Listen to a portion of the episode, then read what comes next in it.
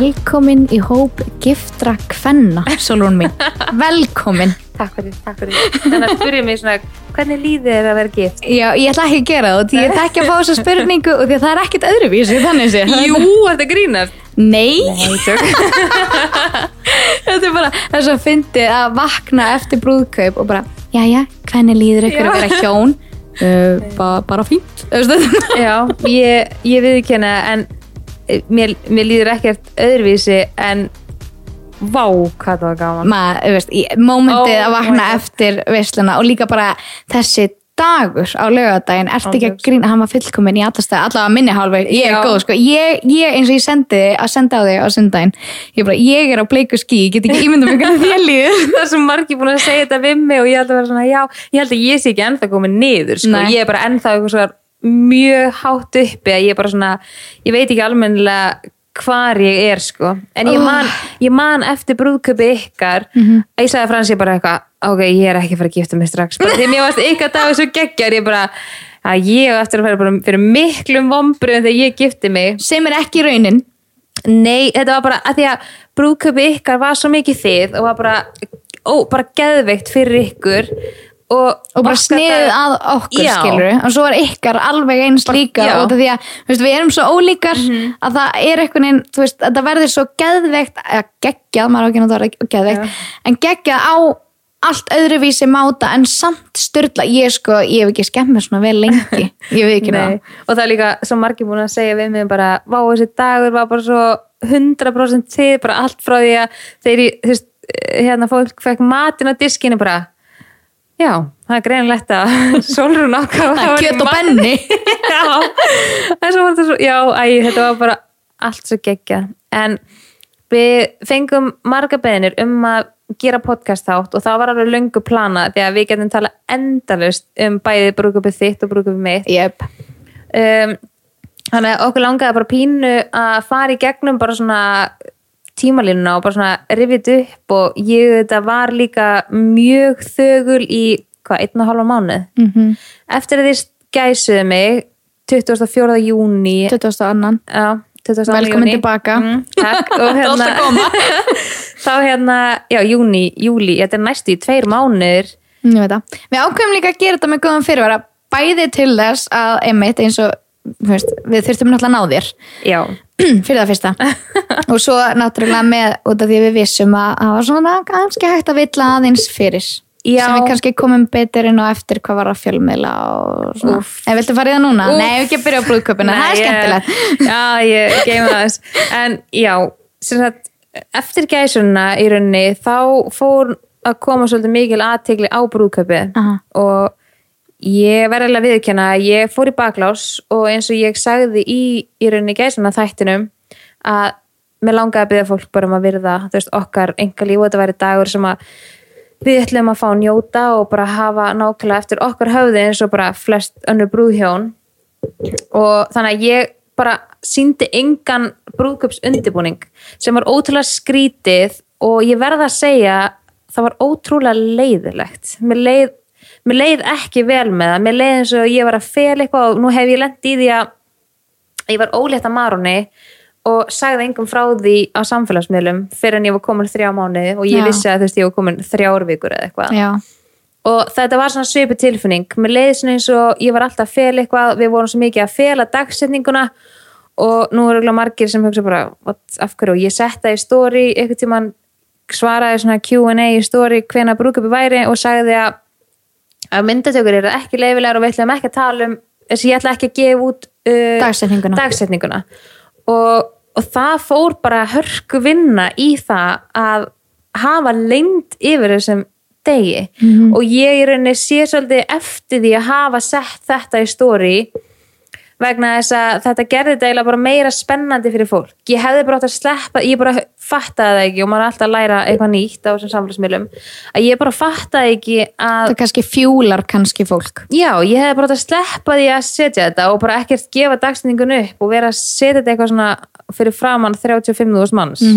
Bara var mjög heimskulegt múf en maður er alltaf að læra og ég er unni, já, segi ekki neitt í hann allan tíma og, og auðvitað fæ ég mikið spurningum á þessum tíma bara út í brúðkaupið og veist, ég, mér leiði bara eitthvað kjánalega að fara í brúðamátun brúða kjólamátunina og, og vera alltaf bara svona leið alltaf eins og ég var eitthvað svona Já, bara senda mér snöppuð í Já, ef ég var og ekki eitthvað með. Svona, Já, þetta er eitthvað svona, að ég veit ekki, þetta var pínu skrítið en vel þessi fyrir þig og ég í rauninni já, fekk bara þarna í rauninni næstu í tvo mánuði í að bara næra sjálfa mig ótrúlega mikið andlega. Og ó, þetta var andlega. Eins og ég væri bara en al, það er í alvörinni staðan. Algjörlega. og ég þurfti svo mikið á því að halda en á meðan vissi ég að það var fullt af fólki sem að vinna hjá alls konar fjölmjölum sem voru ringið út um allan bæ að reyna að komast að dagsendingunni og til þess að reyna, að skemma fyrir mér til þess að geta byrta hvenar ég ætlaði að gifta mig sagt, af því að ég var búin að tala um að ég ætlaði ekki að gera sjálf. Og Ég alveg bara, ég, ó, ég veit ekki hvort ég get það. Ég verð brjál Ég verð brjál Þannig að ég- við í rauninni þurftum að byggja bara ok, allt okkar nánasta fólk um að ekki tala um hvenar þetta væri. Og ég sagt, fekk alls konar uh, langar ekki að segja hótanir en ég fekk alls konar skilabúð um það að það erði ykkur myndir múta gestum fyrir myndir í aðtöfninni, ykkur ætla að senda fólk á staðinn í aðtöfnina, í veisluna, að drónar myndu ná upp í salin alls konar sem að auðvitað hrætti mig ótrúlega mikið og ég hugsaði bara, er ég alvörun á þessum stað? Er, ég bara, er þetta bara í alvörunni staðan? Ég bara trúði þess ekki upp á Það sem mér finnst bara líka grilla bara þannig, að- það komi fram það verður engin fjölmiðl haft núna samband við þig á síðustu Nei. dögum og beðið þig um komment eða bara jafnvel að hafa staðrindir á hreinu í fréttinu sinni, Nákvæmlega. hvernig væri bara að vinna smá vinnuna sína Ok, Þú veist, ok, nei erum við að þetta er podcastið okkar, ég ætlum að segja sem ég vilja segja. Sko, sko, og líka textarnir í þessum fréttum eru bara, nei sko þeir meika engan nei, sens og veist að þetta var svo mikið aðhlátus efni og sérstaklega einn pislahöfundur sem er að vinna á ákveðnum miðli veist það, hún kom með heldur tvær greinar. Ég orgaði og hlátri yfir því að hún fóð mér hún sagði til dæmis ekkert rétt um hvað hefði verið í matinn. Hún sagði að ég veri vinsalasti snappari landsins. Og Snapchat. Já, og það væri 25 mann sem fylgdist með mig daglega á Snapchat. 36,2 takk fyrir. Og ekki einu sinni á, ég er ekki einu sinni á Snapchat lengur, ekki það að ég segi eitthvað að segja fólk þurfa að fylgjast nála, nána með, en ef þú ert í þessari vinnu halló, hvað er það að gera í vinnunni? fólk- ég sko, sem persónulega nú fylgist ég með fólki á samfélagsmiðlum bara bursi frá mér og þér. Skrítið, sk þó skrítið sé. En ég maður verður það svona, hvað segir maður á góðri íslensku, invested í lífi annara. Mhm. að maður fylgist það vel með að maður verður bara einhvern veginn fljótandi með inn í lífi hjá fólki. Þetta er svo persónulegt og náið að sem fylgjandi hjá öðrum myndi ég lesa svona fréttir um aðra og vera bara, nei, þetta er ekki rétt, nei, þetta er ekki Já. rétt og því að allir þínir fylgjendur vita betur en það sem Nákvæmlega. stendur í þessum fréttum Nákvæmlega. þannig að þetta er svona, að ég með finnst þetta svolítið bara Þetta er grátlegt já, sko. mér finnst þetta lítið svolítið illa út fyrir viðkomandi fjölmiðl og bara það að hafa ekki bara sendt á þig og bara, hæ, bara do you care að bara gefa mér eitthvað að því, aðtöðasend að því ég hefði 100% sagt já Algjörlega. ef ykkur hefði sendt mér bara hæ, heyrðu hérna uh, langar að gera stutt að grein um brúðköpu ertu til í að segja mér, þú veist, hvað var í matinn og þú veist, hvernig kaka var þetta það sem þeir vildu fá augljóslega úr þessum fréttum og bara, já, megum við byrta þessa mynd og bara ég hefði 100% sagt já Algjörlega. en ég hefði ekki sagt já fyrir brúðkaupið út af því að ég vildi halda dagstendingunni bara ekki í fjölmiðlum af því að maður getur ekki treyst þessu sorry, ég get ekki treyst fjölmiðlum bara ég hef bara brent mig oftar en einu sinni oftar en tvisar á því að að ykkur lofi mér ykkur og það kemur bara í baki á mér Algjörlega. en 100% hefði ég sagt já eftir á en ég ekki einn sem hafði samband sem er bara ótrúlega fyndi og líka að lesa þessar greinar og líka bara svona við vinkonunnar að sko að sko grenja og hlátri yfir þessum, yfir þessum sko, þeir geta kallað þetta auðvitað ekki frétt en bara yfir þessum greinum og bara eitthvað sem sagði að bara bleikja í matinu bara fyrir ekki humar hvenær lítur humar út sem bleikja eða þú veist bara ha? Þetta bara meikar ekki sens upp á það. þú veist bara Mér ha? finnst þetta bara svo grilla. Mér finnst þetta svo Æ, ég veit ekki. Nú, En- ætli, nú er ég farin út á eitthvað völl og ég, ekki, ég, nei, ég myndi ekki sjá eftir því að segja þetta, en ég ætla bara að vera næs núna, ok? Ég ætla að grjóta kjátti. við getum talað andra um þetta en þetta er bara að fyndi að fjölmjöla sig komna þangað og við kannski geymum það þegar lengra líður á, á söguna en ég sem sagt held undirbúningum bara algjörlega bara fyrir mig. Og síðan bara deginum fyrir brúðkaupi á föstu daginn þá einhvern veginn var salurinn orðin skreittur og það var bara alltaf smetla, það var bara búið að setja allar merkingar á öll borð og þetta var bara svona orðið mjög raunverulegt. Mhm. og ég var svo sultuslug ég var bara ég var stressaður en þú, ég var alveg, ég var að missa viti ég skil þig núna, ég skil þig núna veist, eins og fyrir mitt brúðkaup, eins og ég sagði við þig. Ég bara, ok, ég skil hvað þú átti við út. Ég fyrir mitt brúðkaup, þá varst þú bara hlaupandi um eins og hausleis hæna, það bara, ertu viss, ertu viss? Hvað vildi morgum, ég er að koma með búst. Ég er að koma þú veist bara all in. Jöp. Á meðan ég sko, ég fór í hár og make-up og klætti mig í kjólinn og tók svo sængina fram í sófa sófan, já, og bara lást í sófanum með sæng. Og ég bara, er allir læg ég var bara að chilla. Já. ég var bara góð, þú veist, ég held ég að panta með fröllur upp á hótelherbyggi, þú Já. veist. Á meðan þú varst einmitt bara, ok, ok og ég var bara, að þetta er sól og nú vil hafa allt á reynu og þetta er skipurlagstæmið og allt þetta en ég, já, ég get sagt það ég skil þig núna bara, en ég held að þetta sé líka bara svolítið þannig að maður getur einhvern veginn ekki gert neitt. Nákvæmlega. Og maður veit ekkert hvað maður á að gera maður er bara snýst í ringi og langar að svo mikið að hjálpa og vera með. Og já, það voru mjög margir sem maður sendi líka, sendi mér bara eitthvað hvernig er bara hægt að halda kósi kvöld daginn fyrir brúðkaup? Sko, hann er kannski takið það fram og eins og margir vita, þá var þetta haldið á Grand Hotel. Og það, sérst, ég þurfti ekki að skreita salin sjálf. Nei. þeir bara dekka öll borð, bara setja allan borðbúna alltaf á borðin. Og sem var algjör snilt fyrir mig. Eina sem ég þurfti að gera var bara að setja nöfnin hver, hver ætti að setja hvar. Mhm, og við gerðum það bara einhverjum hálftíma. Bara, ég, þú lappaður eftir með með listan og meðan ég bara svona raðaði. Já, ég var enda búin að gera það alveg frekar skipulega, Einmitt. bara þú veist hvert borð fyrir sig í hérna, bara svona í já, bunga. saman, já, og svo bara og var svo bara púslega á borðin, þannig að það tók enga stund og ég er henni þurfti ekkert að gera neitt og var bara búin að vera líka í þessa tvo mánuði, bara sem ég tók frá gæsun, þang til ég tók fram að brúðkaupi var ég bara búin að undirbúa mig ótrúlega vel, ég var bara með sjúklega góðan lista sem ég var búin að skrifa bara allt niður og þetta er listi sem ég er búin að vera með síðan við trúlegum okkur 2015 listi sem ég notaði í brúðköpunu mínu. Já, og meira þess að Guðrún vega líka þegar ég hjálpaði henni með aðeins eitthvað svona skipulag. En þetta er ótrúlega þægilegu listi og bara svona sjúklega details, eh, listi og ég notaði ekki einu svona allt af þessum lista. Já og bara dítila niður í sko, ég man að því þú sendir mér að lista ég bara, veist, þetta er sko fyrir tveimur og hálf ári síðan þegar Mhm. ég var að gifta mig og þú varst ekki einu svona búin að gifta þig samt með hennan lista. Og ég eitthvað, ok, og það var bara svona skór á Gabriel, Já. Já góð punktur, Þú veist, þetta er alveg mjög dítila þetta er bara, já, allt frá bara, já, minnstu dítilum. En mér finnst þetta bara svo góðu lista því að ég byrjaði bara að skrif, skrifa hana lista þegar ég var bara að skoða Pinterest og fá hugmyndir. Bara þetta, þetta, þetta. Svo bara var ég kannski að horfa á brúðkaup hjá ykkur um að skoða myndir eða horfa bíómynd á brúðkaup og bara, ú, mér langar að hafa svona. Skrifaði bara allar hugmyndir hjá mér í hana lista og bjóði hann til bara svona ákveðin checklista út frá þessum lista. Tó, veist, það er kannski 200 hlutir á þessum lista, no joke en ég tók kannski svona 70 á þessum lista þar sem ég ætlaði að nota í mitt brúðkaup. Og það hjálpaði mér ótrúlega mikið að geta veist, verið með eitthvað lista svona til þess að styðjast við og gerði mig frekar róla og ég byrjaði mjög snemma að græja allt. Og ég til dæmis gerði allar skreitingarna sjálf, ég gerði sjálf borðanúmerin, við gerðum sjálf bóðskortin, við gerðum uh, gestabókina. Já, gestabókina, við gerðum, eða ég gerði allt sjálf bara, og logoið, gerði allt sjálf bara því mér finnst það ótrúlega skemmtilegt að í alls konar svona dúllerí. svona vinnu, já og ég gætt bara tekið allan tíman í heiminu fyrir mig og bara eitthvað að dúlla mér í því og græja það þannig að þetta tók kannski ekki brjálæst að langan tíma, það var aðalega bara eitthvað svona kjólin á mig og velja kjól og föt og krakkana og eitthvað svona.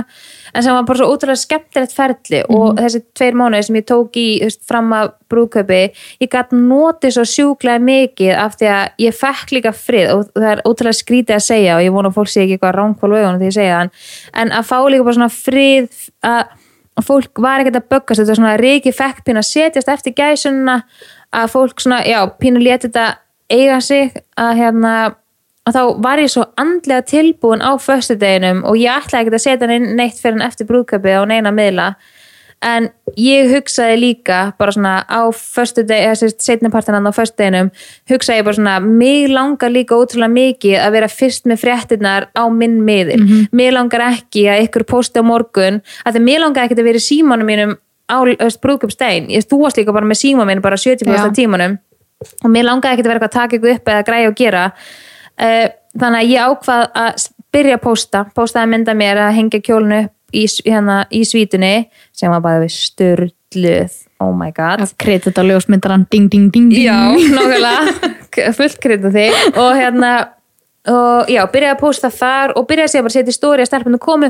Mér langaði líka ekkert meira en að sína mínum fylgjendum og geta deilt að því ég var ótrúlega stolt að þessu sem við varum búin að vinna að og, og græja og gera. Algjörlega. Að þetta var ótrúlega leiðilegt að vera endurist að halda í aftur og ég fann það líka bara þarna. Ég er bara svona ok, nú er ég bara tilbúin í þetta og þú veist tilbúin að taka ef það verður ykkur skellur þá bara verður það skellur og ég var bara sjúklega tilbúin í það. Svo gott að líða svona. Algjörlega og líka kannski bara eitthvað sem við kannski tökum, tókum með okkur úr eins og mínum undirbúningi fyrir mitt brúðkaup að það var þú veist, fólki lág á glugganum í salnum þegar við vorum að skreita kvöldina áður, þú veist, það var bara fólk lág ándjós á glugganum þannig að við þurftum að draga fyrir og skelli lás og en samt fórum við alltaf að reyna að opna hörðina til þess að bera hlut inn og eitthvað sem mann langaði ekkert að gera, þetta var svona setur mann sjálfan svolítið í óþægilega stöðu og þá þá voru, voru við ekkert á samfélagsmiðlum eins og við erum í dag sko. Ég var með held ég 6 eða 7 fylgjendur fyrir brúðköpi mitt Já. þannig að veist, það að fólk hafi leiða á glugganum það var út af því ég var að deila undirbúningnum og ég var bara já, dagurinn er bara eftir viku og ding, ding, ding, Já. ding og salurinn er hérna og það er alltaf frétta fólk vissi nákvæmlega, þannig að fólk eitthvað sem ég bjóst ekki við fólk actually bara mætti á staðinn svo var fólk fyrir utan í aðtöfninni líka og svo var fólk og við töðumst alveg um kannski 5-10 mínútur fyrir utan áður en við komum inn í því að það var fólk fyrir utan veislusalinn þegar við vorum að lappa inn. Guðrún við erum búin að eðalega geta orð fyrir mér veislusalur Já, þegar við vorum að koma inn í okkar eigin veislu þá voru festust við í veist, selfies og eitthvað sem við hefum komið inn, á, inn áður í podcastinu. Og þetta er kannski eitthvað sem við tökum með okkur úr því dæmi miða við þá hvernig við vorum á samfélagsmiðlum þá og hvað þetta er búið að stækka síðan. Já. að það er svona, jújú, jú, það er líka það er líka bara alls konar fólk fólk að fylgjast Ég með og maður það. varður svolítið að fatta það. Algjörlega og maður verður að gera sér grein fyrir að, að maður verður bara að búa sér undir allt og ég gerði það algjörlega þarna. Og þarna var ég líka bara svona búin að öllu. Og þeir stelpunar komið þarna á föstudagskvöldinu uh, og við bara opnum sjampó og erum, erum bara eitthvað í sloppum og chilla og bara ógstlega mikið að spjalla og bara þið allar sjúklega mikið að peppa mig en allar miklu stressaðar en ég og, og ég allar bara eitthvað að borða nammi og, og þú veist það bara þetta var bara svo ótrúlega dýrmætt og gerði minninguna mína svo geggjaða og bara okkar allra þú veist við vorum hann já alveg tónum sam, já, saman og var, þetta er eitthvað sem ég hef aldrei eftir að gleyma og skipti mér svo sjúklega miklu máli. Svo bara eitthvað fóru stelpunar og, og Kamila þú varst eftir í svítunum með mér og við vorum bara eitthvað að fara í styrtu setja okkur maska já, setja eitthvað maska og eitthvað bara eitthvað að chilla og fara að sofa og, eitthvað. og það var líka geggjað með þetta að vera ekki einn veist, að vera bara, já, vakna síðan bara á hótelinu og fara í styrtu og fá síðan bara hár og make-up upp á svítuna og einhvern veginn allt til alls á staðnum og ég verð að gefa starfsfólkinu á Grand bara þvílíkt hrós fyrir bara, ég hef aldrei fengið svona góða þjónustu. Nei, ég bara í alveg tala, þetta var okkur öðru leveli. Ég var trítuð eins og eitthvað drottning sko. sem þú náttúrulega ert, en þú Já, en ég meina, nei. Nei, ég, nei, ég, ég verða að segja ég var bara, wow og ég, þú veist, manni- því lík fagmenn Já, algjörlega, þau eru bara þau vita svo nákvæmlega bara hvað þau eiga að vera að gera og bara gera hlutina svo sjúklega vel og bara allt frá því bara þú veist, frá því að við byrjum sko, þegar við byrjum að skoða sali þá náttúrulega kom Grand Hotel einhvern veginn aldrei til, til inn í myndin á þetta því að ég var alltaf með gamla salin hjá þeim í huga Já.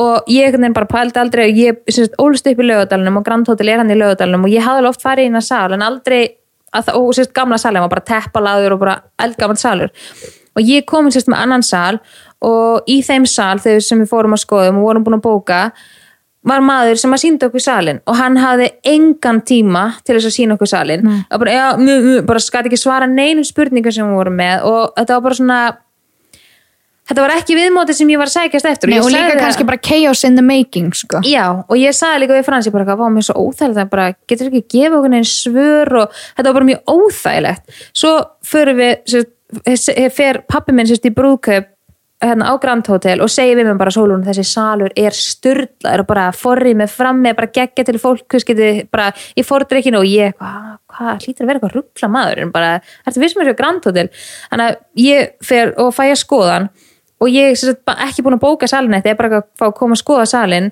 og kem bara ekki móttökun og bara hér já, hérna, ég ætla að fá að koma að skoða salin eitthvað, hún veit ég sér koma, hún bara já ringir bara í lobbyinu og þá koma þau bara þrjú og taka á móti mér í liftunni og bara, þeir eru bara svona öll smá þetta er opna fyrir mann liftuna og bara alltaf láta maður lappa á undan og bara eitthvað svona, ég hef aldrei fengið svona þjónustu og ekki það, yngar áhugjur, við borguðum alveg gommu fyrir að gifta okkur hana en það, við sko sjáum ekki eftir einni krónu að hafa fengið að vera hana og bara fengið hana sal að láni og leikta hann út og, og bara maturinn var bara stórkvistur þannig að bara það var maturinn var geggjaður. Oh my god, og við letum sko bera til bors það var hægt að velja annarkvort hlaðborðið að bera til bors og bara, wow. Og þú veist, þjó, þú það var svo mikið að þjónum og þú veist, það var bara aldrei þetta gekk svo ótrúlega smurt Já. fyrir sig. Það var bara ekkert higg í neinu. Nei, og það voru líka alveg nokkri sem að þú veist, voru, þú veist, borðuðu ekki kjöt og það var bara nákvæmlega, þú veist, ég bara let vita hver það væri, það veist, aldrei eitthvað svona, þau komu bara með á borðin, það var bara svona sjúklega að hugsa fyrir öllu, vissi bara nákvæmlega ákveða borðið manneskjan sem borðaði ekki þetta og fekk annað í staðinn, það var bara það var bara allt, en allavega já, uh, svítan uppi var líka geggið, við vorum þar og þeir sáu öruglega eitthvað sem að fylgdist með myndir úr henni, var bara eitthvað annað flott sko. Ótrúlega flott. Og sem er svo, svo rótilega fyndi ég fréttaði ekki fyrir en eftir brúðkaupið að fyrir hádegi, ég sérst posta hana á föstudagskvöldinu frá mynd og eitthvað stóri og eitthvað svona. Ég kemst síðan að því að morgun eftir fá þau alveg nokkuð símtöl um spurningar hvort að hérna, hvort að brúðköpi sé á Grand. Hotel. Jú, setnum daginn, af því ég var náttúrulega búin að setja líka í highlights hjá mér að þetta er á Grand Hotel. Þessi já. þessi salurinn var í highlights. Og þau fengi alveg þó nokkur sím, símtöl og spurningar hvort það væri brúðkaup. Og ég er svo ána með þau að þau hafa sagt nei, nei það er ekkert brúðkaup hér í dag og bara, Úff. já, ok. Þannig að það var geggjað. Og hérna, ég fekk alveg að fara út þú veist, þegar með bílakjallar á þú veist, þannig að maður þurfti ekki að fara út í gegnum lobbyið með, með hérna í kjólnum og eitthvað, fekk bara að fara niður í bílakjallan og í brúðabílin og já, sem sagt ég fer sem sagt bara í hérna hára make-up um daginn Upp á hóteli. sveitinni, já, klæði mig í fötinu og svo bara fara allir og ég og pappi fyrir síðan saman í kirkjuna og það er eitthvað svona mómentið að að býða eftir en alltaf fóru allir í kirkjuna á undan okkur. Mm. og að býða upp á hóteli með pappa eftir klukkunni að geta farið. Ég fæ svona, ég fæ svona hnút í magan að hugsa úti aftur.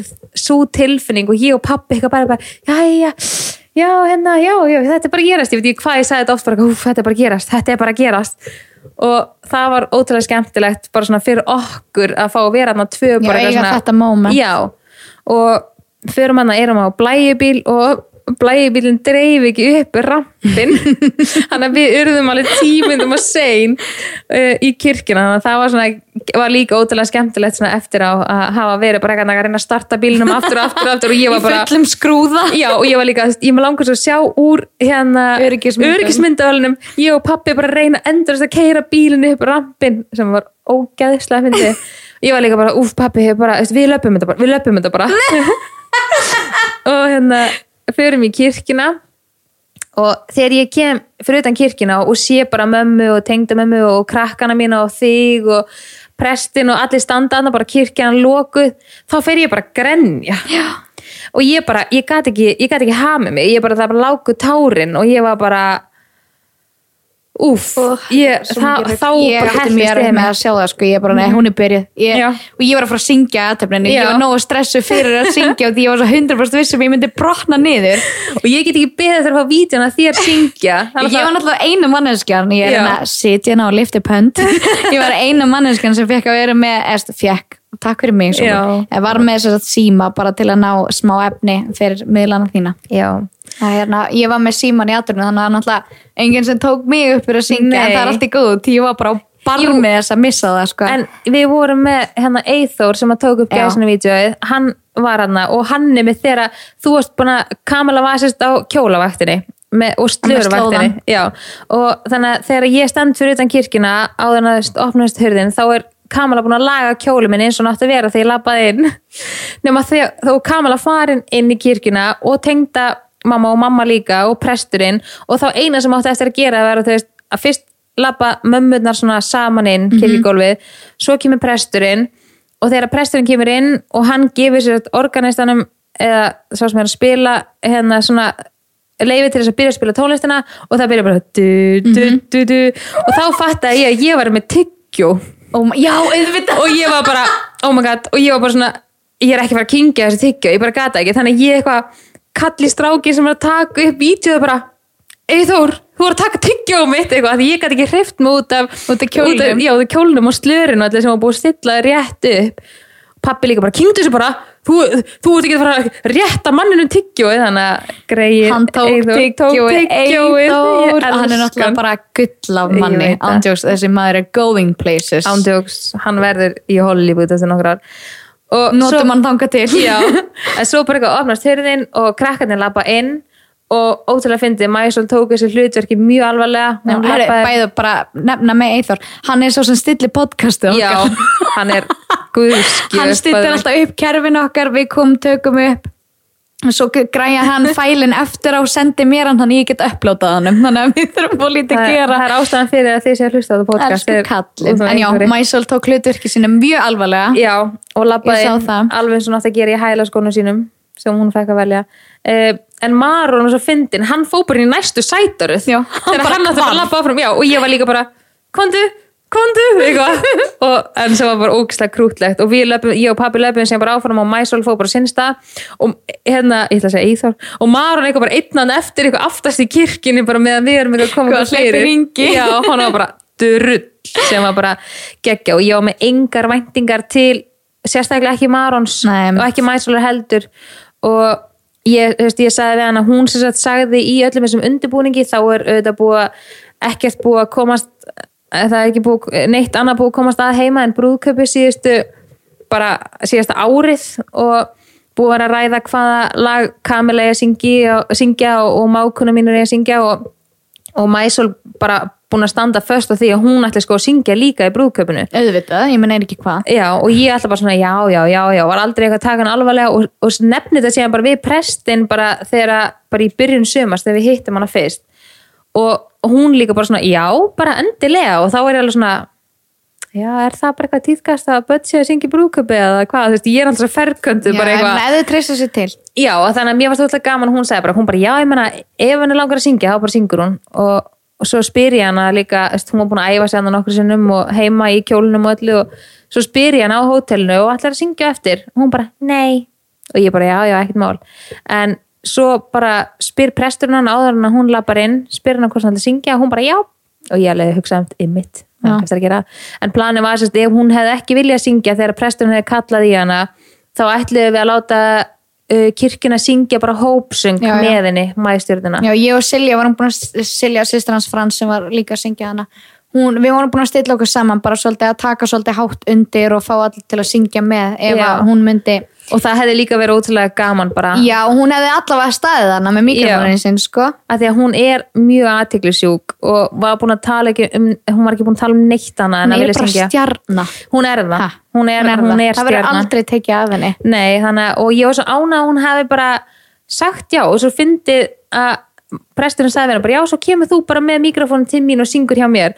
Og Mæsólin nefnilega tók mikrofónin og lappaði bara beint upp að alltarinu bara lengst með mikrofónin og allir eitthvað stopp, stopp, stopp, stopp og snúruna bara eitthvað að fasta þannig að en hún söng að ég er svo herfóringi og ég grenjaði svo mikið. Og svo margir sem hún búin að senda bara, vá, hvernig gasta bara haldi feysi og bara, og tárast? Ég bara, nei, nei, ég var svo útgrátin eftir þessa aðtöp það þetta var rosalegt sko. Ég, ég náði ég átti mjög erfitt með mig þegar þú varst að labba inn út af því ég vissi sko ég var að taka lag eftir kossin. Já, og það var bara svona, ég var bara ég ætla að komast í gegnum þetta lag þannig ég má ekki missa það fyrir allavega eftir að ég er búin að syngja. Já. og ég var alveg bara, og ég talaði alveg um það að ég var með sko, ég var með svo mikið högurhristing að ég var bara alveg að brotna niður og meðan ég var að syngja lagi og ég var bara svona alltaf svona smá kökk, bara nei ekki núna, ekki núna, nei ekki núna, ekki alveg strax. Og svo þegar ég settist niður eftir að ég var búin að syngja, Já. þá brotnaði ég niður. Ég var bara eins og lítið barn, ég var sko með ekka þegar maður lappa út úr kirkjunni. Það heyrist í læginu Er það sem ég er að taka? Já, það heyrist það er mjög ég var svo fyndið. mikið að ég leiði fullt af hóri bara að leka og ég vildi ekki sjúa inn Æ, en það er svo margir búin að spurja hvernig aðtöfnin var en við sem sagt, uh, Silja söng sem sagt, fyrst lægið hvað heitir lægið með Jónssoni? já, Já, með Þegar ég sá þið fyrst Já, já. með Jóni Jónssoni, vá, var alveg stólur mér og svo söng My Soul svo söngst þú eftir kossin og, og allt það. Já, þú, hvað lag söngstu? uh, Can't help falling in love. Sem var terrill Þetta er geðveikt og Frans elskar þetta lag. Hann kveikir á þessu lagi þegar hann er elda sko. Já, ég hann er elska bara, þetta lag. Já, þetta, hafði, þetta var svona mjög tilfinningaríkt að því að þú söngst og Mæsól og, og mákonu mín og, og prestunum bað mig um að senda sér ástæður fyrir að ég var, vildi giftast Frans og Frans sendi henni ástæður af hverju hann vildi giftast mér og hann sendi henni bara þrjár blaðsir í vördu eða eitthvað. Og ég byrjaði bara að grenja þegar hún var að tala til okkar að segja svona já og Frans þú segir þú veist, að þú vilji giftast Solrún út af þessu og, og, þú veist, og Solrún þér út af þessu og þá, þú veist, þá byrjaði Frans bara að gráta og Frans grét svo mikið í þessu aðtöfn ég gæti ekki hort á hún sko. Þa, það var þá sem ég held að ég hafi mistað ég náttúrulega bara laðið frá mig mikrofónin og byrjaði að bara skæla og svo þegar Silja kom og söng hérna kveðju. Kærleiksvísu. Uh, já, þegar hún söng kærleiksvísuna og ég sá, maður sá hvað Frans var svona ótrúlega mikið að reyna að halda aftur að sér. Já. og svo mómentið þegar ég sá, ég bara, ég gleymi þessu aldrei þegar ég horfi á hann og hann bara ákvað að sleppa. Ég sagði við hann Já, bara, já. ég sagði líka við hann, ég bara þú mátt alveg gráta, þú veist, ég bara af hverju er þetta að passa, ég bara, þú mátt alveg gráta. Og þá líka bara, ég hef aldrei séð hann gráta svona mikið. Og þetta er líka lag sem við elskum bæði. Já og bara Silja Þetta var líka bara síðasta lægið í aðtöfninni þannig að þegar þið voru að lappa út þá er ég bara, nei, ekki Já, ég líka bjóst ekki við því að þegar hún var búin að syngja þetta og við varum bara eitthvað með hór og tár og eitthvað, þá bara du, du, du, og ég bara, nei, nei, nei, nei ekki núna, please, og hún bæði bara hérna og ég var líka eitthvað með blöytt tissjur en að láta Frans fá það í vasan mjög smekklegt, ég var bara, oh Æ, þetta var ótrúlega fallegt og líka bara geggjaður dagur. Bara Já. ótrúlega fallegt veður, þetta Já. var svo fullkomið. Fyrir utan það að ég var í svona ágætlega svona víðum kjól sem var alltaf að blása það var alltaf að vera að blása hann upp um mig en allt í góðu. Ok, samt þegar við keirðum að stað og ég með þryggja metra slör í blæjubíl og ég held ég myndi fjúka úr bílnum með slörinu. Shit hvað ég hló mikið sko. Já, þetta var mjög gott. var alltaf gott. Æ, þetta var geggja Já, en ég fekk líka alveg nokkur spurningar um hvenar aðtöfnin hefði verið, klukkan hvað og hvenar voru með veisluna? Og ég skil þessu spurningu út og ég spurði mjög marga aðeins þessu spurningu þegar við vorum að ákveða tíman með kirkjuna. En fyrir þá sem eru að hugsa um að, fara að gifta sig og plana svona hluti við vorum með kirkjuna klukkan hálf tvö, 13.30 og veisluna klukkan 5 og ég verð að segja þá fullkomið, við náðum bara við náðum að fara í myndatöku í, veist, þetta var tveir og hálfu tíma milli, við náðum að fara í myndatöku náðum að fara upp á hótel og ég borðaði ég fór, þær greittu mér upp á nýtt veist, ég var með hárið upp í kirkjunni og myndatökunni og hárið niður síðan í smáparta myndatökunni og í veistunni og þú veist, fekk alveg nýtt make-up að því ég var náttúrulega búin að grenja allt af mér. Og samt voru við bara í róliheitum uppi hérna í svítunni bara býða eftir í rauninni að fara það var ekkert stress. Ekkert stress og bara líka voru að spyrja hvernig við hefum haft með krakkana. Krakkarnir fóru eftir myndatökuna fóru heim og dagmáman hans Marons passaði fyrir okkur. Bara, bara gullkona hún var indisleg kona sem var vinnar á leikskólum hann að mæsólar en mjög sniðut að nýta sér, að reyna allavega ef að maður er með gott fólk í með dagmömmu eða Leikskóla. eða leikskóla við, við nýttum hérna, hefðum samband við eina sem var á leikskólanum hans, var á deildin hans Gabriels og þú veist, það er svona eitthvað svona aðili sem að kannski pælir ekkit endilega í þegar maður er að leita pössun nei, þannig að, þú veist, út því að maður er með allt fólki sitt í veislunni, Já. ég fór svona að hugsa eitthvað, ok, hver, þú veist annarkvort þarf ég að fórna einhverjum í veisluna Mhm. til þess að vera með Gabriel eða finna einhver aðra leið og ég, svona, ég meika ekki að heyri einhverju 13 ára sem að er Snapchat fan og vill bara vera með Gabriel til að sína vinkonu sinna það Mhm. og því ég var alveg lendið því líka. En hérna, en ég heyrði bara í henni og veist, sem meikar alveg fullkominn sens út af Já. því að þetta er manneskja sem að þekki barnið meira en sem er bara þú, eða veist, meira með barnið þitt heldur en þú. Bara 8 tíma á dag, alla daga vikunar algjörlega. Þannig að mér fannst það alveg briljant að hún var með krakkana fyrir okkur þannig að þau fóru ekki í veisluna. Mér fannst þau bara einhvern veginn ekki eiga erindi í veisluna þau eru bæði það lítil að, og mér langaði líka bara að, við Frans fengjum að njóta þau fengu alveg að vera með hann í myndatöku og, og í svo það hefði var, kannski líka bara verið kannski of mikið fyrir þau ég veit ekki hvort að þau Já. hefði sjálf fílað það þau hafi líka bara orðið á yfirsnúninga að við vorum að koma niður um hálf sex í, í veisluna og já, og veislan var bara stórkostleg, salurinn var náttúrulega klikkaður, maturinn var bara geðveikur, við vorum með geggjað vín með matnum, var allir ótrúlega ána með vín. Jómslega fyndi, það var svo mikið brandari á borðinu. Að það gett stemmari. Já, það er svo við- mikið stemmari alltaf þegar að vera að hella aftur í glösin. Það var ákveðin stemmari í þessu brúkavi og við vorum myndið að hugsa hvort þetta verið með hashtaggi stemmari að þau komast að fyndi en en við vorum, já, tala um það, við vorum ekki með hashtag slideshow og mér fannst bara skrítið að, að byggja fólk um að taka ekki myndir í kirkjunni, sérst aðtöfninni og vera síðan með hashtag og vilja fólk var að taka myndir og, og posta því og líka það maður veit ekkert hver postar í hashtaggi, það getur hver sem er postað í hashtaggi Já, og líka bara salurinn var þannig settur upp og það hefði kannski ekkit verið endilega mjög flott á skjánum. Nei, við vorum nefnilega með bara logoið yfir allan skjáðan, bara svarta mynd, hvítan texta og síðan var alltaf miðju logoið og Já. síðan kom vídeo og sikkuð endan sem var bara, te- nei sko, þetta er 12 metra langt tjald Já, mjög flott, sko. Kom mjög vel út. Já, ég var ókslega ána að hafa sett logoið þarna upp á skjáin Mhm.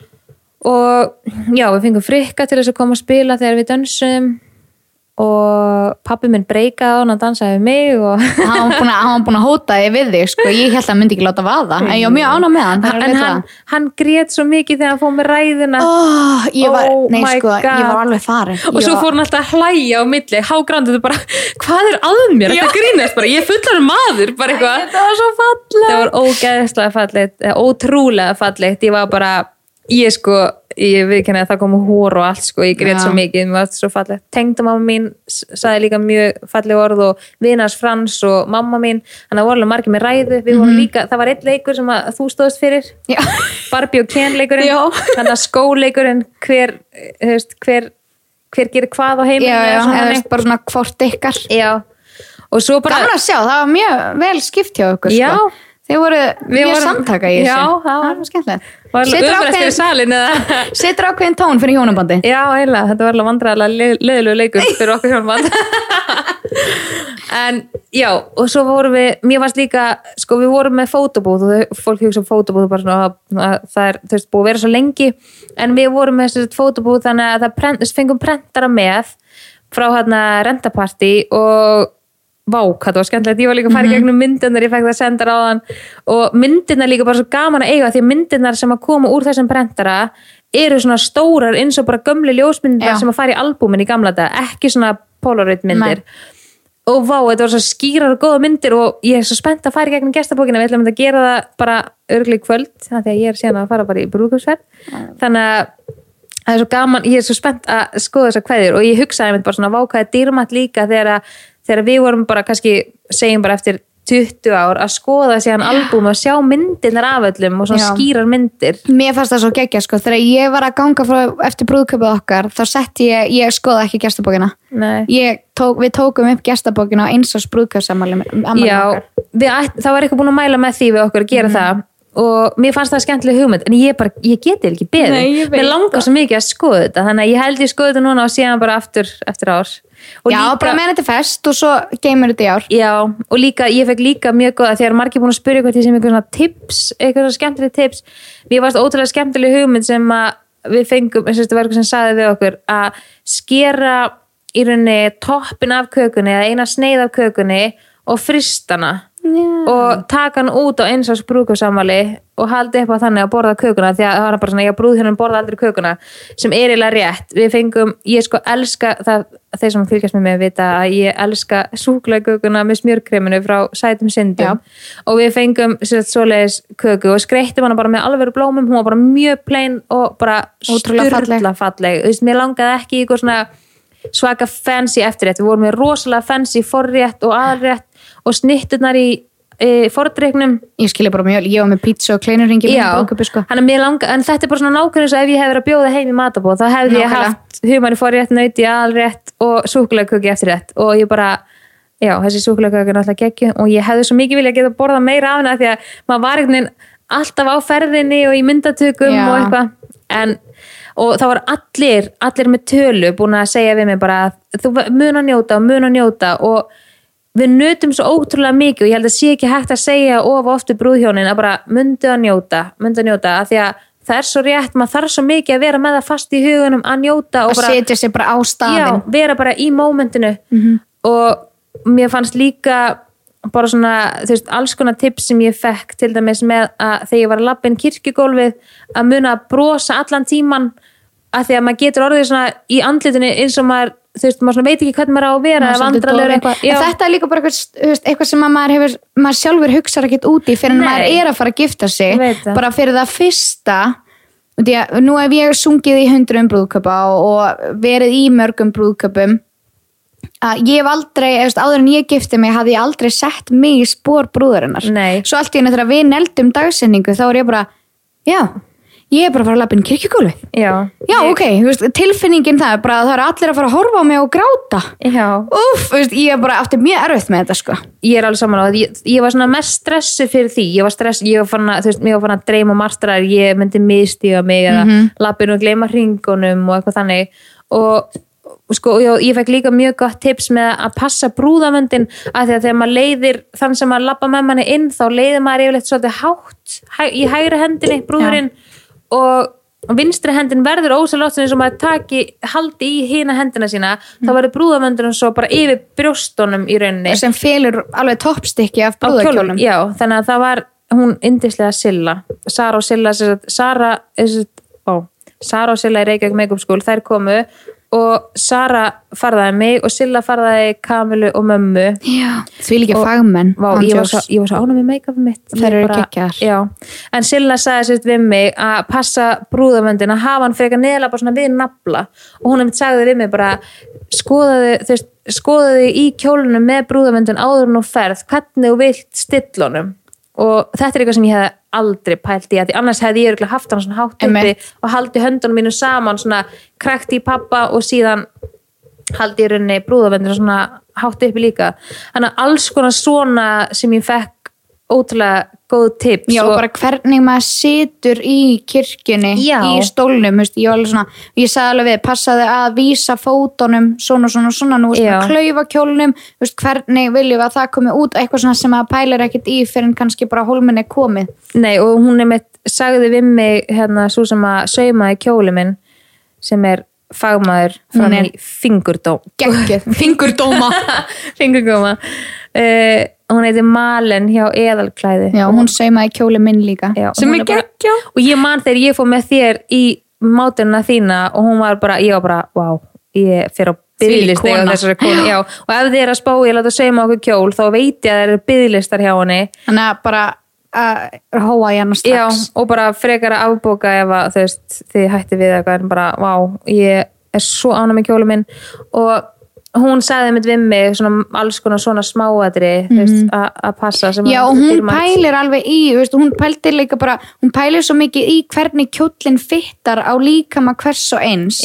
Að bara eins og fyrir mig, veist, hún alveg, já, ég væri til í óta því að nú vorum við báðar með þannig kjóla eins og allur kjólið þinn var, þá var toppstykki á mínum kjól, það var svona handröðuð blunda. Veist, blunda sem hún klifti út og raðaði eftir því hvernig ég var vaksin, raðaði upp brjóstin veist, og út handleggina og ég á með ermar á mínum. Og eitthvað sem að hún var bara algjörlega að pæla í eitthvað sem að mér hefði aldrei dottið í hug, hún var alveg pældi í að raða raðaði hérna blundunni þannig að það bjóð til svona smá vaffhálsmál, ég var bara, "Vá, því, því líkona ándjóks, Hún er ég bara, ég elska hana, ég hef getað verið hérna bara svo lengi að bara spjalla bara með alls konar allána, hún er frábær. Og hérna já, og sérst, hún, þegar ég kem til hennar í mátuna þá vorum við bara ótrúlega sammála um allt. Og hún er með mjög sterkar skoðunar, ég fíla svoleiðis karaktera. Seg, Mhm. og líka bara veit greinlega um hvað hún er að tala. Been there, done that sko. já, og ég, ég bara, ég elska svo mikið fólk sem bara veit hvað það syngur, þú veist, hún bara hún sagði líka við mig bara, þú veist þú ert með, þú veist, þú ert með svona líkama þú veist, þú veist, mér veist þetta fallegt við þinn líkama í kjóli, ég vil að þetta sjáist, hún vildi að baki á mér er freka bert og að viðbyrnu mín myndi sjást freka mikið og að maður er með svona handakrika fytu stundum sem kemur svona út svona brjóst- milli brjóstahaldarans og, og handakrikans kemur svona út og það trublaði mig og hún bara nei, þú veist, við bara græjum það og gerði kjólinn bara þannig að þú veist, hann skarst allt á allt öðrum stað heldur en þegar hann var í ból eða þú veist, svona bikini eða eitthvað sem að pyrrar örgulega flesta og mér langaði ekki að vera svolítið svo brúðköpustæðina er ábyrnandi og bara hún er bara, já, ég ég geti talað um hann í allan dag en hún allan að gerði sérst kjóli minn og einmitt handraðaði blómunum á hérna brjóstikkið og það ferli var líka bara ótrúlega dýrmátt og fá kamilu með í mátun og hún að sína kamilu hvernig kjólinn væri sem bestur þú veist, það var þetta hengjan upp aftan og stittan hengin upp á puttan og svona að sína kamilu hvernig best væri að hafa slörið og slóðan og allt saman. Það var ótrúlega dýrmátt líka fyrir okkur að fá að hafa Algjörlega. saman. Þannig að já og þetta var bara eins og það heyrið, þessi dagur var bara fullkomin ég bara, ég ég, skal tala endalist um þetta. Ég trúi bara ekki að þessi, að þessi dagur sé búin Já. en ég er líka ótrúlega spennt að fara í brúðköpsferð og ég er svo tilbúin að fara í frí Mhm. að ég bara eiginlega bara trúi ekki að það sé bara komið aðeins að því að það náttúrulega langt síðan að við bókuðum og, og borguðum ferðina og svona loksins er komið að þessu. Mhm. þannig að já, við erum sérst að fara núna á eftir. Miðvikudags morgun já, ætla að skella ykkur til við sem sagt ákvaðum að fljúa til New York og vera þar í tvo daga. Og ég hef aldrei komið til New York en ég er ótrúlega spennt. Mhm. og fara síðan frá New York til Cancún í Mexico og erum á styrluðu ég lagst til hóteli að sjá frá þessu sko. Oh my god, ég er náttúrulega bara að sé myndir en vá, hvað ég er spennt. Þetta er bara, ég ætla bara að liggja þarna á bekk og ég reyndar fer í dagsferðir sem er ótrúlega þægilegt, við þurftum ekki að plana Já, ok, vá. annars hefðum við aldrei farið ég hef bara verið á Verið að væri bakkanum. bráðkvöld bara Já. Mexico Já. með sombrero og tequila í hinni. Ándjóks bara, já, við erum sérst að fara til, til New York og svo til er það er ekki lagst til að fylgjast með þessu. Já, en svo setti ég eins og sagði áðan, ég setti svona spurningar þar sem fólk vildi vita í rauninni uh, í tengstu við brúðköpið og komulega margt skemmtilegt. Já, ég veit. Eh, fólk það var mjög margir sem vildi vita um kvöldi fyrir brúðköpið við vorum að segja frá því áðan. Og með fjölmiðla um, mjög margir sem að vildu sjá Kamilu syngja og ég skil það mjög vel en hún skeiti på baka og taka sig upp. Hann að, já uh, hvað salur var þetta uh, á Grand Hoteli, hann heitir Háteigur og spurningum gestabókina og bóðskortin um, já, ég, ég ætla að segja ég síndi ekki þessum bóðskortin, en jú, ég síndi ég síndi bara eina mynd Já. en þau voru Bara í ógst kassanum. flott ég Þau voru verði eiginlega- geggjuð. ég verði eiginlega að sína það aftur út af því að þau sjást ekkert almennilega því ég var alltaf að fera mitt. það er sér eitt svona pappi og svo er annað svona glært svona sem fer yfir þannig að hitt- hinn textin sést í gegn Já. ógeðslega flott uh, en ég pantaði bæði sem hannaði kortin og gestabókina á Etsy síðanni Etsy.com etsy.co.uk og, og mjög margir sem var að spyrja um arböndin um, sem sagt, það var eitthvað sem að sáu arböndin sáu held ég samt ekki arböndin hjá mér eða örgulega segja bara hjá gestunum. Gæti vel verið. En við sendum sagt, út arbönd með uh, bóðskortunum Út í að það var, sagt, var gæsla já, bæði inn í kirkina sem er bara better safe than sorry veist, tala sem var mjög gott move bara, bara til að gefa þér smá hugar og líka. Já og það var, þú veist Já, þess að það fylgdi bara, það voru svona bara hvít arbundið, svona, þetta er reyndar hártegjur sem er svona bundnar í endanum svona þykkar og það stóð bara Solrún plus Frans og svo bara 17 og 8, 19, já. Og fólk bara síndi þetta þegar kom inn í kirkjuna og inn í veislinu og þetta var bara ekkert vesen og svo voru bara stelpuna með þetta í hárunu þegar leið á kvöldi og bara svona gaman líka pínu svona minning fyrir gestina að eiga uh, já, eftir brúðköpið um, og svo er ég búin að fá hvort að, sérst, hvort einhver hafi farið úrskeiðis en ótrúlega satt að fara ekkert úrskeiðis og hvort ég hafi verið með plan B. Sko, ég, ef eitthvað hafi farið úrskeiðis. Frans hefði ekki mætt? Já, Já, já, hefði ég hef bara bara hóa í rabba og, bara græja þetta. Því mér hann giftir hann. En hérna, uh, sko ég, eins og sagði á hann var ég ótrúlega róleg. Og ég fekk bara ég, við vildum frekar borga bara aðeins meira og fá bara sjúklega mikið fagfólk sem að við treystum bara 100% í að sjáum allt fyrir okkur. Og ég, við sjáum ekki eftir því að því að það bara gerði okkur bæði sjúklega róleg. Frans var heima fyrir hádegi á brúðgustæðin að þrýfa mm -hmm. sjálf viljugur Svo sko. Já, það var enginn búin að byggja um það sko, hann var bara eitthvað riksu og mamma bara, ég held að maður sé búin að missa vitið, hann er heima riksu og ég eitthvað, ó, ok. En við bara, ég var bara svo sjúklega róleg, bara alveg frá 50 degi þá fór ég bara eitthvað í neglur og fór til gurjar í hérna, fótsnýftingu og snýrtistofan hann að kopar og vá, hvað var svona næs að fara svona í smá trít. Já, eh, bara eitthvað svona neglur- mega næs að fara til ég, ég fyrir til hennar í Brasilist og ég er bara að njóta. Já, ég fór einmitt í vaks bæði á hennar löppum og lærunum og undir höndunum áður en við erum fara út og líka bara að því að hún er náttúrulega vinkon okkar og við erum búin að sína mikið fræði fyrir til hennar því við erum bara fýblast og eitthvað á Já, og sniðstofunni líka bara stoltar af henni.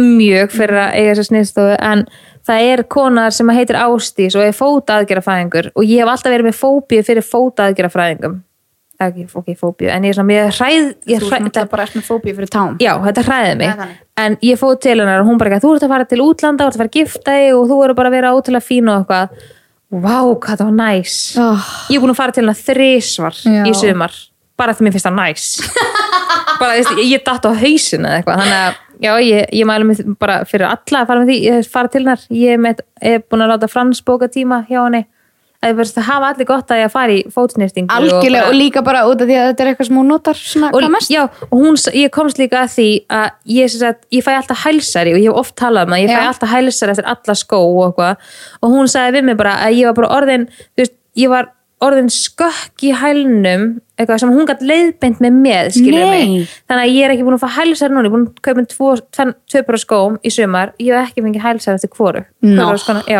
Þannig að já, að, alveg Já, en hérna en já, sagt, plan B nei, ég var ekki með neitt plan B og ég bara var bara búin að ákveða ég var ána með kjóli minn og það var bara, ef eitthvað hefði fyrir úrskist þá hefði það bara verið allt í lægi því ég var bara, hefði ekkert getað En breytt líka bara það að ráða sér svona ótrúlega mikið af fagfólki í kringum, þetta er náttúrulega bara fyrir marga, ekkert endilega ég ætla ekki að alhafa alla, en fyrir marga og flesta er þetta svolítið stærsti dagur fólks. Og það mun aldrei hvað segir maður, að ráða sér fullt af svona, ekki fullt, bara ráða sér ráða til sín einstaklinga sem eru fagfólk einmitt í sínu fægi til þess að vera að sjá um þessar hluti sem eru kannski, jú, þú ert búin að plana græja og gera og sendir svo verkefnin og allt þetta áfram til þeirra til þess að loka dílunum og klára málin hafa þau fullt klárið þannig að þú treystið þeim algjörlega. Og það er bara eitt og sér þessi hugaró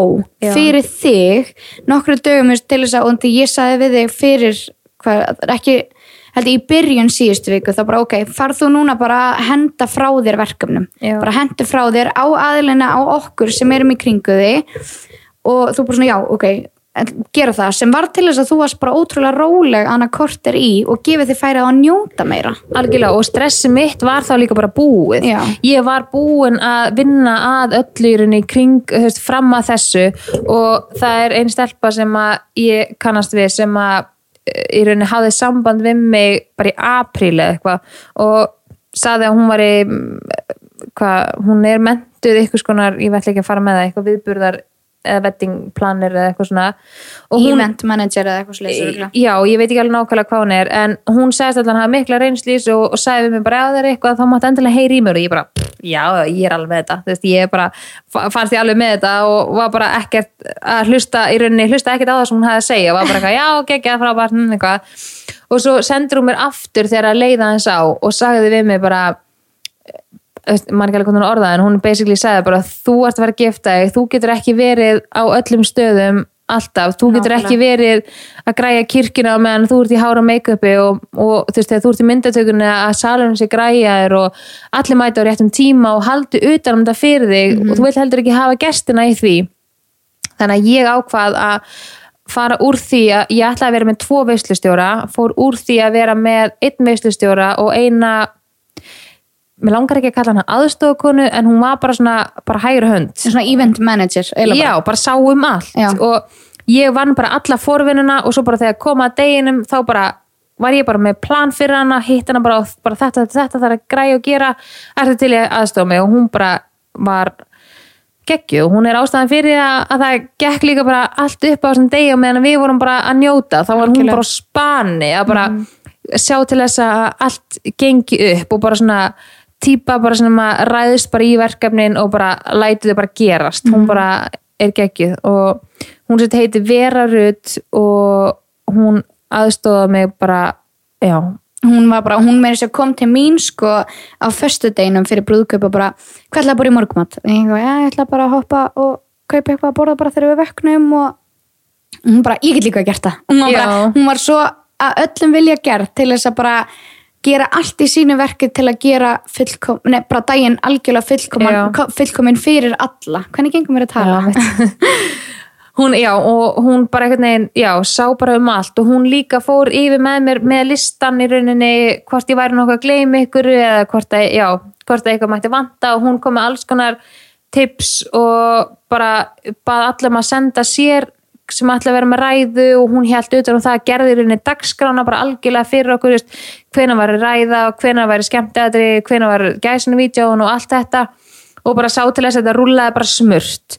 Og, bara, og þegar hún var ekki að gera eitthvað að hlaupum þá var hún bara farin að hella bara Skenkja víni stemmara og- bara í öll glöðs bara, já, það var bara á milli borða og þá var allir bara, hvað kona er þetta bara, vá bara, hún, hún er bara geggjuð. Og ég bara skuldinni feitan greiða og hérna að og þetta er eitthvað sem að heilla mig ógst mikið, mér langar alveg pínu að fara út í þetta. Já, ég er samanlega, við höfum alveg rætta já, mér, ég væri alveg til gaman að sjá, fyrir, sjá hvort það væri áhugi fyrir hendi. Já, þú veist, það er bara svona að fá að vera partur af hjá fólki og hérna brúðköps undirbúningi og bara sjá um svona skipulag og ég var svo mikið peppuð eða hún var svo peppuð og þetta var bara svo gaman, þetta var skemmtilegt ferli. Já, og líka bara ótrúlega gaman, nú veit ég það bara sem oft í brúðköpum, bara, bara það að fá að vera þessi litli partur Já. í degi fólks og hvað þá að vera einmitt svona viðburðarstjórnandi eða svoleiðis í, í svona veistlum og bara þessum risa viðburði Já. hvað þetta skiptir fólk mikið máli og að fá að vera partur af því er bara eitthvað svo ótrúlega dýrmætt ég heitla mig alveg ótrúlega mikið Og líka bara, þú veist, núna veit ég hvað, veist, hvað það skiptir mig miklu máli, hvað ég var trítið eins og bara drottning all, allan annan tíma og hvað það skiptir mig miklu máli á þessum degi að þegar alltaf þegar hafa verið ammali eða veistlur og þá er ég alltaf svo sem að hefur verið vera í þessu tilfelli. Að bara hlaupa út um allt og það gefur mér ákveðna ánægju og mér fannst ég bara ekki þurfa þess að því mér fannst ég bara vera með alltaf, alltaf á hreinu á þessum stóra degi en ég hugsaði líka bara svona eftirhaukja bara, sagði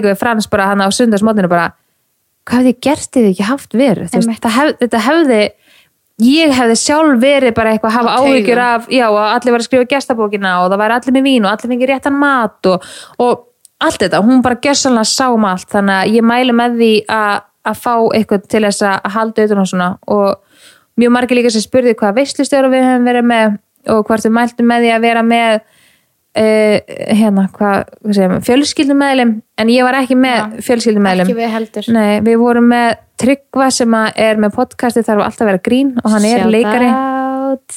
Já, hann var æði, hann stóð sér ekkert smá hann líka gerði sem mikið grín og hann gerði grín, hann gerði grín af fjölmjölum og hann gerði grín af veist, þekktu fólki í samfélaginu, gerði grín af mér og, og það kom grín af mér líka í, í verðartalana, í hérna stekkina vídjónu Já. ég, hélt, ég myndi mýga í mjög hlátri þeir strákanir Vinnars Frans er náttúrulega, þeir eru ógeðsla finnir og þeir settu text, eh, nei, settu hljóð undir vídjóið hans Frans sem er vídeo úr í rauninni auðlýsingaherfyrir minni fyrir bókina heima þegar Já. ég er bara eitthvað já, mér finnst bara best að hafa heimili mitt bara alltaf hreint og bara gott að koma að því hreinu og, og það var bara undir og ég var bara eitthvað, oh my god, hvað, Já, hvað hann er var settur í gangi? svona þernubúning Já. bleikan þernubúning og var að dusta af Já, og, ég, og þetta ég að tala undir og ég sagði að ég held ég myndi org og það var Eithor sem klifti það Já Þeim ekki þegar að ræðu þann mann. En þetta var ótrúlega fyndið og bara einhvern veginn Já, það er bara svona allt einhvern veginn að rifjast upp fyrir manni núna. Já. Og líka, ef þið ætlaði að gista hóteli eh, eins og við gerðum eftir eh, eða þess að brúðköpsnóttina þá mæli ég með því að fá að borga aðeins meira og fá svona late checkout. 100% Já. Við tókum tvær nætur eftir brúðköp Já, ég hef alveg verið til í það. Ég bara, einhvern veginn fann, ég var með pínu samvinskupið út af því að við erum að fara út eftir tvo já. og ég, mér, ég háði það ekki í mér en það var mjög skrítið að koma heim og bara allt út um allt og ég þurfti að byrja að ganga frá eftir að krakkarnir voru heima og byrja að setja í þvottavél og mér langaði bara að setjast nýra og hlafa mér í sófan og bara fá að lesa kortin í friði og opna pakkana, pakkana. en ekki verið með Maron grátandi alla nóttina eftir brúðkupsnóttina en Það var raunveruleikin að hitta þig hart ég var bara, ég var bara tósið svo harkalega nýra á jörðina en ég hugsaði svo mikið bara, ok, tveir dagar, tveir dagar, tveir dagar, þá var ég að fara út Já. þannig að það var ekki að en, en hérna, já, sérst, svona late checkout er algjör snild og það kostaði bara ótrúlega lítið, meða við það sem ég hefði haldið, það var ekki Já, líka bara að miða við allan pakkan Það var Já. þetta svolítið bara svona smá auka. og þetta er eitthvað sem oft gleymist Em- en við máttum, check, við máttum alveg vera til þrjú eða fjögur um daginn. Og þá bara geggja, við lágum bara upp í rúmið til háttegis fengum okkur að borða og fórum síðan bara eitthvað í styrtu og lágum síðan bara ennþá lengur upp í rúmið og vorum bara eitthvað já, drullum okkur út eitthvað um klukkan þrjú. Já. og þá var líka bara aftur kemur að Grand Hotel Mm. að þeir skuttla þessi fara með alla pakkana fyrir mann. Maður þarf ekki að græja það sjálfur. Nei, það. það er, fannst mér geggjöð dýr. Algjör snild. Mjög þægilegt, það þurfi ekki eitthvað að drösla pökkunum eitthvað sjálfur úr salnum bara, þau tóku svo mikið af, veist, eins og bara sem að ég get tekið úr mínu brúðköpi eitthvað svona hausverkur, ekkert endilega hausverkur en bara svona verkefnalistar sem ég var rosalega mikið að vinna í sjálf og koma fólki í verkefni hér og þar og þau bara græjuðu svona 60% af því sem ég var að hafa á að gera fyrir mínu brúðköpi bara svona litlu hlutinir sem maður líka pælu kannski ekki endilega í. Og ég get rétt ímynda mér, þú veist, ef ég hefði verið með venjulegan visluma Já. ég náttúrulega fekk bara flabbökuna í, í okkar brúðkaup og þau voru bara með vagnin og, og svo kleinur ringjastanda algjörlega eftir okkar hörðu þetta við erum bara þannig fólk að hérna veist, hefði, hefði ég ímyndað mér að vera kannski með þryggja rétta, þú veist, humar og nautabenna og köku og svona, það hefði kannski verið aðeins meiri pakki. Já. þú veist, en þau samt tók alveg svona, ég sá það alveg, bara svona, vá. Þú veist, þetta er rosalegur hausverkur sem þau eru að taka af þér með þessu öllu saman sko. algjörlega og líka bara þú veist bara eitthvað svona, gerðu margt skemmtilegt svona rulluðu kökunni inn á mitt gólfið og þá var svona sérimóni í kringum það eitthvað svona, svona ákveðin svona, við skárum kökuna og mötum hvort annað og eitthvað svona, eitthvað svona hefðir og eitthvað sem að kom frá þeim. Og líka bara veist, ég sé alls ekki eftir að hafa borgað aðeins meira og fengið allt þetta inn í í rauninni þessi litli hluti sem að svona eftir að higgja hefði ég ekki verið bara svona oh my god, þegar ég vaknaði þarna á lögadegin, nei sundin, hefði ég ekki verið til að vera bara oh my god, við möttum að fara að ganga frá þessum salnum eða við möttum að rúla út öllum pakkunum þannig að þetta var ótrúlega næs og svona litli hlutir gera mikið á þessum degja því að alla aðra daga, ammælisdaga og jóla áramót er maður að standa í því að græja og gera allt sjálfur þannig að það var ótrúlega næs að fá þennan dag í að að vera bara algjört sig. Já, það var alveg vel þessi virðið að borga aðeins meira fyrir það. Og, og þetta var bara já, ég er búin að segja mjög oft en þetta var algjörlega ekki og Frans, Frans gæti ekki sofið sko. Hann, hann var svo miklu spennufalli og þegar ég kom upp á hótelherbyggi þá bara byrja ég bara tárum bara byrja að spítast ég var bara svo ógeðslega þakklátt og svo miklu spennufalli og Frans var bara stjarfur og svo lágu bara upp í rúmi og Frans bara eitthvað bara gæti ekki sopna og ég held að hann að í þessu tvo tíma eða eitthvað Já. um nóttina svo sáum við bara eitthvað fram að glöðan þrjú eitthvað. En við vorum bæði bara í bara algjöru sjokki. Þetta var bara Það, sturlað. skellurinn kom ég mér þegar ég vaknaði daginn eftir mitt brúðkaup og var svona ó, ég get ekki gert þetta aftur nema þurfa að skilja. Ég var svona, ó, menn hvað er, já, við þurfum kannski bara endur nýja heitin þetta er bara svo, þetta er svo góður dagur líka allir bara, þú veist, þegar ég labbaði þegar kirkjan opnaðist og ég horfði inn og ég bara Allt fólkið bara ykkar. Mhm. allt fólki okkar, þau eru bara komin inga til þess að fagna bara með okkur bara, forréttindi. já, og maður bara svona vá hvað maður er ríkur bara, og það er líka bara, þú veist, ég gæti ekki horta á okkur stelpuna, sko, eina sem ég sá út undan mér, maður bara þið bara að þurrka tárin, allar ómálaði bara sem ég í Mhm. Já. bara að þurrka tárin þannig að þetta var þetta var svo dýrmætt og já, ég ég við ekki, ég hefði alveg viljað sína aðeins meira frá undirbúningnum og því öllu en maður getur ekki fengið allt. Nei, svo ég eftir að fá brúðköpsvídeóið og já, kannski deilið því bara. Gæsuna vídjónu Já. og eitthvað svoleiðis skemmtileg. Spurði Það var alveg langt þegar maður finna kannski leir. Instagram TV já, ding ding ding. Æ, við skoðum þetta. Æ, það er kannski svona pínu persónalt að hafa þetta eitthvað í Instagram TV er spurningum að kannski setja það inn í smá tíma bara. Æ, ég veit ekki, við finnum út úr þessu. Við hérna, við lofum, við finnum annars út úr verð ég bara að kasta þessu bara í laugursbjó í stóra salum og ég öfnilegt í hvað ég var að tjóka oh. uh, en já, ég held að þetta sé bara góð þáttur um, um brúðköpsspjall Heldur betur maður Er ekki Erum við góður í Þessi byli? portugalski landsi sem er í körfubólta sem er að smikla sér inn er eitthvað hægt að fá hann á næsta tjám með það Í brúðköpi? Já. Hann var vinnu minn sko, við vorum félagar hver lét hann fá arband? Þú? Ha? Fekk hann arband? Hann fekk arband hann... Já, já Ég og, hvað var það? Ég og ein... ok, ég held ég var búin í það pásu en ok Nei, ég er ekki búin að hægt Herðu, við heldum bara að ræða, heldum að ræða þetta off camera Þetta voru bara við, takk fyrir okkur í byli